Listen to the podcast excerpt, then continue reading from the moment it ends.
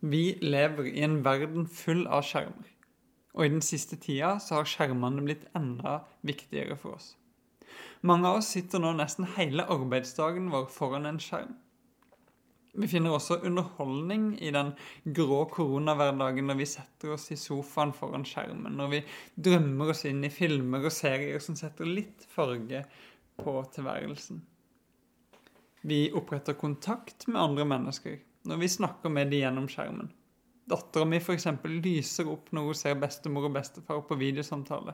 Hun begynte å klemme dem gjennom skjermen til og med, bare for å være litt tettere sammen med dem. Vi søker også informasjon over skjermen når vi scroller gjennom nye smittevernstiltak og nyheter. Og ikke minst, den eneste måten vi har klart å ha gudstjenester sammen de siste månedene, er jo ved å møtes over skjermen. Hva gjør dette med oss? Og hvordan hadde livet med sosial nedstengning vært om vi ikke hadde alle disse skjermene? Mitt navn er Eirik Soldal, og jeg er pastor i Bjølsen misjonskirke. Du hører nå på en introduksjon til undervisningsserien vi skal ha i februar, som har fått overskriften 'I en verden full av skjermer'. Benjamin Franklin har sagt det at All new tools require some practice before we can become expert in the use of them. Altså, alle nye verktøy krever øvelse før vi blir dyktige brukere av dem. Og skjermene våre er forholdsvis nye verktøy. Og jeg vil si det at de færreste av oss virkelig er dyktige brukere av våre skjermer, meg sjøl inkludert. Jo da, jeg kjenner jo de fleste funksjonene og innstillingene på mobilen min og jeg er ikke så verst på å lage gode regneark i Excel eller designe ting på canva.com. Jeg vil faktisk mene at jeg er ganske god til å spille Fifa på PlayStation. Men det er jo ikke denne typen dyktighet jeg snakker om da. Nei, spørsmålet er Bruker jeg skjermen min på en måte som gir meg et godt liv? På en måte som hjelper meg å elske andre mennesker? På en måte som er til glede for Gud? Og gjør du? Med denne typen spørsmål skal vi sammen reflektere over hvordan vi bruker skjermene våre. Mobilen, TV-en, dataen, smartklokka, spillkonsollen, hva enn det måtte være. Og vi skal spørre oss sjøl om det kan finnes noen gode vaner, noen øvelser, som kan hjelpe oss til å leve gode liv i en digital tid. Som vanlig ønsker vi at det er ordene fra Bibelen som skal få prege oss i møte med det vi er opptatt av i hverdagen. Vi ønsker å følge Jesus i en verden full av skjermer. Men Jesus sa vel aldri noe om skjermer? Gjorde han det?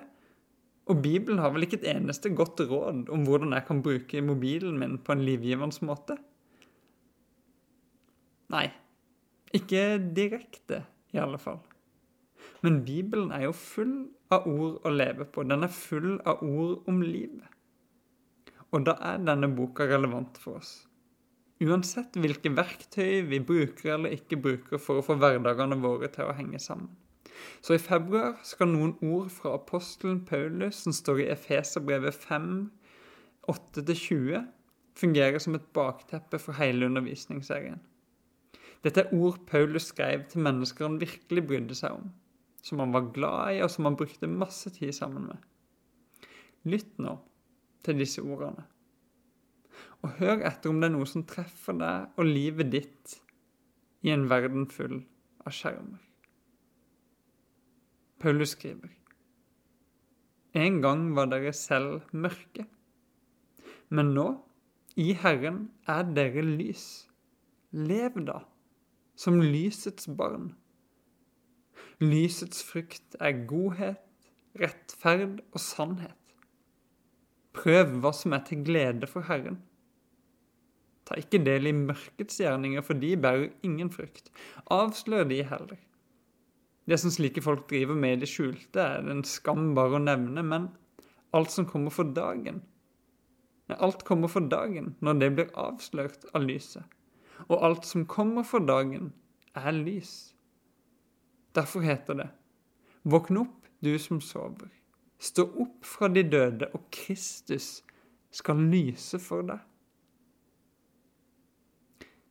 Pass derfor nøye på hvordan dere lever, ikke som ukloke mennesker, men som kloke, så dere bruker den dyrebare tida godt, for dagene er onde.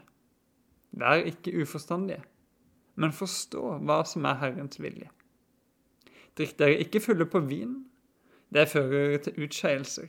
Bli heller fylt av Ånden, og syng sammen La salmer, hymner og åndelige sanger lyde. Syng og spill av hjertet for Herren. Takk alltid vår Gud og Far for alt i vår Herre Jesu Kristi navn. Som vanlig er det ord metta av innhold når Paulus skriver. Jeg vil utfordre deg til å lese denne, gangen, denne teksten sjøl, flere ganger. Snakke med Gud om det du leser sånn at det kan få prege tankene og handlingene dine de neste ukene. Og kanskje det er et godt tips å ikke gjøre det fra mobilen din, men fra en fysisk bibel, sånn at du ikke blir forstyrra underveis. Og så har jeg lyst til å invitere deg til å bli med på gudstjenestene våre. Første gudstjeneste, som etter all sannsynlighet vil bli digital, den skjer 7. februar. Da skal vi snakke om mobiltelefon. Andre gudstjeneste i serien er 14.2, på selveste Valentine's Day. Da våger vi oss faktisk inn på temaet pornografi. Dette er blitt ekstra relevant nå fordi trafikken på pornonettsteder de økte kraftig da koronapandemien slo inn over verden. Og Tredje og siste gudstjeneste blir 21.2. Da skal vi snakke om noe jeg er veldig glad i sjøl. Det er film og TV-serier. Vi lever i en verden full av skjermer. Det siste jeg ønsker, er at du skal sitte igjen med dårlig samvittighet etter å ha hørt undervisning i møte med dette. Nei, la oss denne måneden ta imot oss sjøl med nåde og raushet i den virkeligheten vi nå lever i. Men det jeg ønsker aller mest, det er at du skal oppleve å bli mer fri. At du kan kjenne at du blir en dyktig bruker av dine skjermer. At du opplever at du virkelig kan få følge Jesus.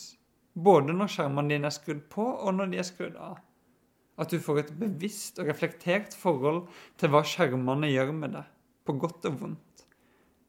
Og at du kan ta små og store steg mot å leve et godt liv i en digital tid. Paulus skriver 'Våkn opp, du som sover. Stå opp fra de døde, og Kristus skal lyse for deg. Amen.